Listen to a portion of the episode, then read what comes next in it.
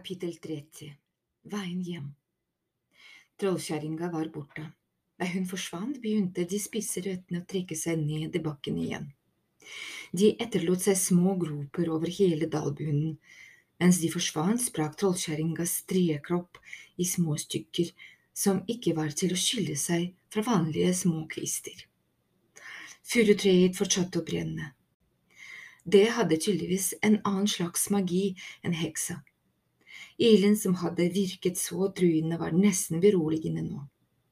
Den fikk alle til å tenke på det første lærbålet i Rams Meadow før alle havnet i livsfare. Hele patruljen sto rundt sleden og drakk av vannflaskene. Konor samlet vergesteinene, i alle tilfeller. Indra festet tauet igjen, tvillingene renset sårene og tok på bandasje. Ingen sa noe, de var for slitne og oppspilt. Vu drakk den siste vannslurken. Han skrudde på korken igjen. Dere, sa han, hvordan kommer vi oss egentlig herfra? Alle grublet på det samme. Trollkjerringa hadde kanskje vært en umiddelbar trussel, men hovedproblemet var allikevel geografien. De befant seg i feil verden uten peiling på hvordan de skulle komme seg tilbake til sin egen. Julie tok ordet først. Vi blir her vi er. Det var det foreldrene våre lærte oss da vi var små. Hvis man går seg vill i skogen, finner man et sted høyt oppe og blir der. På den måten kan ledemannskapene finne en. Sånn som de fant Connor og Katie? spurte Indra. Hun angret straks på tonen hun hadde sagt det i. Julie ble helt på gråten. Unnskyld, det er bare det at ingen vet at vi er i langskogene. Vi kan ikke regne med at noen finner oss her, i alle fall ingen vi ønsker at skal finne oss. Hva mener du, spurte Kommer. Indre utvekslet et blikk med Arlo. Vi så trollkjerringa snakke med noen skuret ved hjelp av magi, ikke ansikt til ansikt men det er helt klart flere innblandet. Og vi kan trygt anta at de er på vei hit. I så fall må vi dra, sa Connor. Vi klatrer øverste dalen og tar et overblikk, velger en retning og går. Hva med sleden, spurte Fu. Vi lar den være igjen her, bærer det vi klarer. Vi var forferdet. Vi kan ikke svikte herr Hanhall, han er en del av patruljen, Jonas himlet med øynene. Det er en ødelagt stol og et par gamle ski. Det må du bare godta. Vi kom på andreplass, utbrøt hun. Det er veldig bra. I det minste har vi lagt noe, Jonas, sa Indra. Hva har dere to gjort, bortsett fra å sytre og bli reddet? Det holder, alle sammen. Alle i patruljen tidde. Julie gråt åpenlyst nå. Hun avfeide brorens forsøk på å trøste henne. Det er håpløst, sa hun og ristet på hodet. Vi kommer til å dø her, ikke sant? Nei, det gjør vi ikke, sa Arlo. Jeg kan sørge for at vi kommer oss hjem. Mens vennene kranglet, hadde Arlo funnet fram kompasset. Nåla dreide fortsatt sakte rundt. Men idet han snudde seg, kjente han noe, en svak dirring. Det var ikke fordi kurspilet pekte mot nord, det var noe helt annet. Da han øvde seg i oppkjørselen, hadde han lært seg å ignorere disse spøkelsesvibrasjonene. Nå innså han at de markerte noe som faktisk fantes, veier inn i landskogene. Og her i landskogene viste kompasset veien ut. Hvor sikker er du, spurte Conner, på en skala fra én til ti. Arlo svarte ærlig, kanskje seks eller sju, jeg vet at det er noe der, men jeg kan ikke være sikker. For alt vi vet, peker de dypere inn i langskogene, sa Jonas, og hvis han tar feil, er de verre ute enn før. Verre er etter alt å dømme på vei hit i dette øyeblikk, sa Indra. Vi kan ikke bli værende her, det er for farlig. Vu tok et skritt fram. Hvorfor diskuterer vi egentlig dette? Se på det Arlo fikk til med tauet, se på det han fikk til med knipselyset, Ingen av oss klarer noe sånt. Ikke jeg, ikke du, ikke Konor. Ikke engang Christian greier det. Jeg vedder på at heller ikke de illskyndere ved bålet til går kveld klarer det. Ingen klarer det, Arlo gjør. Så hvis han sier at han tror han kan få oss ut herfra, tror jeg faktisk på ham. Jeg trenger ikke å vite hvorfor eller hvordan, jeg trenger bare å vite hvilken retning jeg skal trekke sleden i, for han sørger for at vi kommer oss hjem, så enkelt er det med den saken. Indre så på Arlo, det samme gjorde Connor, til og med tvillingene sto vendt mot ham. Diskusjonen var over. Vi nikket mot Arlos kompass. I hvilken retning går vi? Arlo pekte. Det var ikke den retningen de hadde kommet fra, men det var der han kjente vibrasjonen. Greit, da går vi. Vu nappet til seg jakka fra sleden, tok den på og trakk opp glidelåsen. I tur og orden tok resten av patruljen på jakka. Så, etter å ha telt til tre, løftet de sleden og bar den bort til den nærmeste snøen. Arle surret slepetauet rundt hansken og tok et siste overblikk over dalen og det brennende treet. Hvor lenge hadde du vært her? Én time? To? Han følte det var så mye mer å utforske, men det var på tide å dra hjem. Så snart de var i bevegelse, kom de fort inn i rytmen. Alle hørte skiene støvlende mot snøen. I det vanlige verdenen så vandrer det seg ut et landmerke i det fjerne ved hjelp av kompasset. Et bestemt tre, en fjelltopp, en kampstein, og bega seg ditover i rett linje. Når man gikk, kunne man derfor gå med kompasset i lomma. Men i langskogene fungerte det ikke på den måten. Her fantes det ingen rette linjer. Veiene buktet seg hele tida, med noen skritt imellom kjente Arlo en endring i vibrasjonen. Det kunne handle om noe så lite som om de skulle gå til høyre eller venstre for en viltet trestamme. Valgte de feil, mistet de sporet, og det gikk ikke an å gå tilbake. Arlo trakk det ut forrest så han kunne ikke se de andre i ansiktet, men han skjønte at de var skeptiske til den rute han valgte. Det ville han også ha vært. På et tidspunkt dreide de krapt til høyre og deretter krapt til venstre i det som virket som et helt vanlig skogholt. Men da de kom over en liten høyde, ble de møtt av et helt enestående syn. En bro av fast is over en stri elv. Den så ut til å være akkurat bred nok til sleden, men da hadde de ingenting å gå på. Å falle var uaktuelt. Det gikk an å se mange kilometer av sted, flere hundre kilometer kanskje, på et punkt der den purpurrøde himmelen møtte horisonten i et rosa-oransje lysskinn. Overalt rundt dem hang istapper i trærne og glitret i lyset. Julie holdt opp hendene som en ramme. Skulle ønske jeg hadde med kameraet. Jeg tviler sterkt på at kameraer virker her, sa Connor. Ellers ville vi vel ha sett bilder fra vannskogene stadig vekk. Indra var enig. Det var som undret gang i ti. Jones påpekte det åpenbare. Vi gikk garantert ikke over den broa tidligere. Jeg vet det, sa Arlo, men det er hjemveien, jeg føler det på meg. Vi grep slepetauet. Det holder for meg, Ingen må ramle utenfor nå. Til å være en bro av hardt is var det ikke fullt så glatt som Arlo hadde fryktet. Den frosne vannspruten fra elva ga litt fotfeste, og de var ikke de første som gikk der i dag. Indra la merke til spor i frosten. En trollgaupe, sa hun. Ser du at den har seks bein? Jeg vedder på at den står på lur under et tre og ser på oss akkurat nå. Etter et nervepirrende øyeblikk der sleden gled farlig nær kanten, kom de seg trygt over. Arle visste vei over neste høyde. Litt etter stanset han forvirret. Hvor går vi nå? spurte Connor. Jeg vet ikke. Det er borte. Hva mener du med borte? spurte Jonas. Har vi gått oss vill? Jeg vet ikke. Det føles annerledes. Indre fant fram sitt eget kompass. Det spinner ikke nå, jeg tror ikke vi er i landskogene lenger.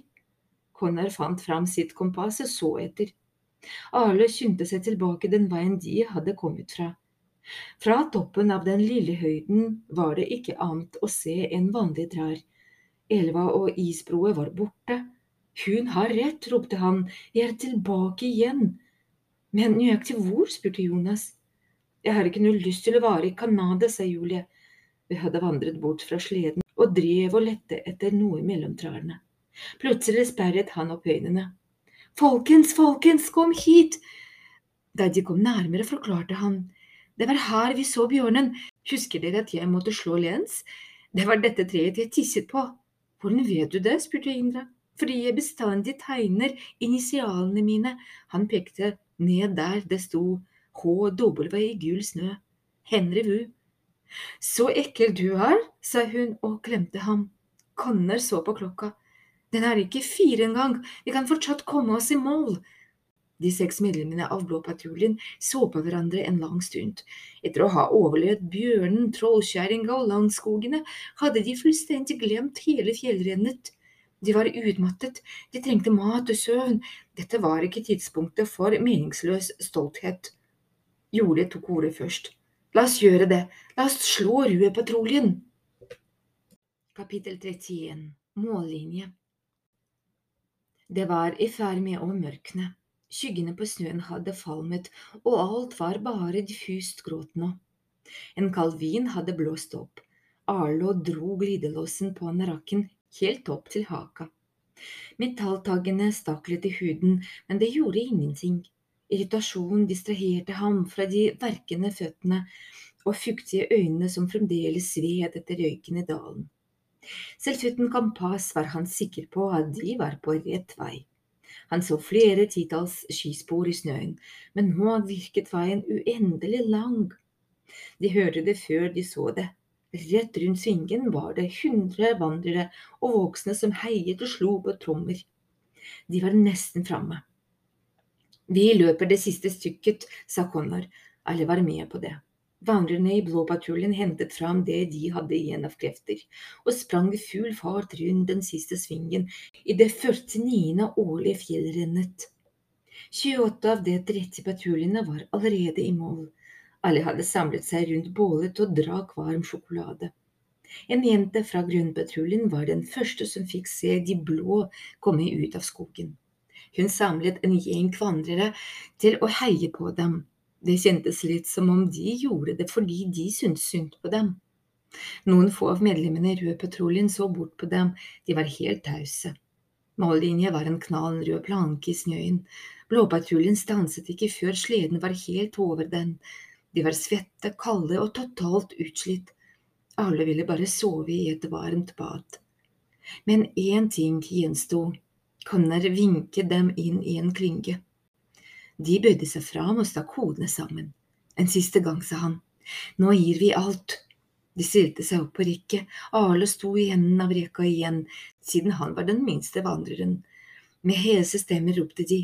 Føtter tramper, hender klapper, blåpatruljen er så tapper, bedre blikk enn noen ørn, sterkere enn en grizzlybjørn, både i morgen og i dag er blåpatruljen beste lag. Mens de drakk mer varm sjokolade, gikk Indra bort til Larlo og Connor. Jeg fant dette i skuret, jeg ville ikke at de andre skulle få vite det. Hun rakte Connor et mat halskjede av sølv, et lite anheng som hadde initialene KC. Connor kjente det igjen, det tilhørte Katie. Jeg husker ikke at hun gikk med det, men det var bilde av det i alle savnet-annonsene. Hun fikk det av bestefaren sin. Han prøvde å gi det tilbake. Nei, ta det, du. Connor trakk på skuldrene. Hun skulle ha hatt det selv. Jeg gir det til foreldrene hennes. Han la det i jakkelomma. Men jeg vet ikke om hun vil ta imot det. Hun liker ikke å bli kalt Katie. Hun sier at det aldri har vært det ordentlige navnet hennes. Arle måtte minne seg selv på at for Connor var ikke kusinen savnet. Hun bodde bare i et annet land, som også tilfeldigvis lå i en annen verden. Connor var vant til det. Han hadde holdt det hemmelig så lenge at det ikke føltes som noen hemmeligheter lenger. De fulgte med da den siste patruljen krysset mållinje. Det var tid for resultatene. Da alle vandrerne samlet seg ved bålet, stilte de seg sammen med Vu, Julie og Jonas. Jeg har forhørt meg, og jeg tror vi kan håpe på tredjeplass, sa Vy. Ikke bare blant patruljene i troppen, men blant alle. Alle var forvirret. Hvordan går det an? Vi var nest sist over mållinje. Man får fire poeng bare for å krysse mållinja, sa Indra og telte på fingrene, pluss tre poeng for å ha besøkt postene i riktig rekkefølge, noe vi gjorde. Det er sju av ti poeng. Det første laget som krysset linje, kunne bare ha fått tre poeng mer enn oss. Men det gjorde de ikke, sa Vu. De røde var først over, men de gikk til signalisering før Knuter, så der mistet de tre poeng, og jeg har hørt at de rotet det i knuteoppgaven. De lagde flaggstikk istedenfor trompet med halvstikk. Dæven, så gjerne jeg skulle ha slått dem, sa Jonas. Julie ristet på hodet. Jeg vil bare på pallen. Etter Jeg vil bare på pallen. Etter alt vi har vært gjennom i dag, vil jeg bare være blant topp tre. Det kommer nok an på laget, sa Indra. Vi vet at vi har 81 poeng, og i fjor i fjor fikk tredjeplassen 99. Hvis vi får ni av ti, klarer vi det. Den skjeggete vakten steg opp på en trappestige. I dagslys kunne alle se tatoveringene på halsen hans, selv om det meste av dem var skjult bak det enorme skjegget.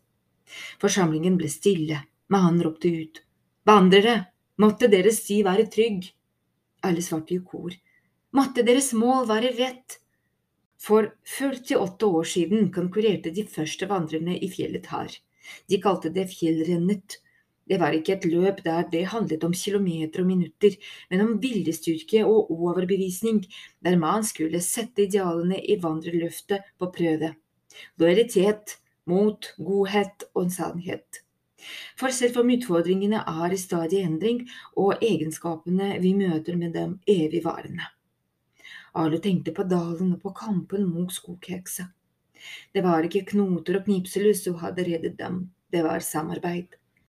Ingen av dem var fullkomment lojale, modige, gode eller sanne, men det trengte de ikke å være heller.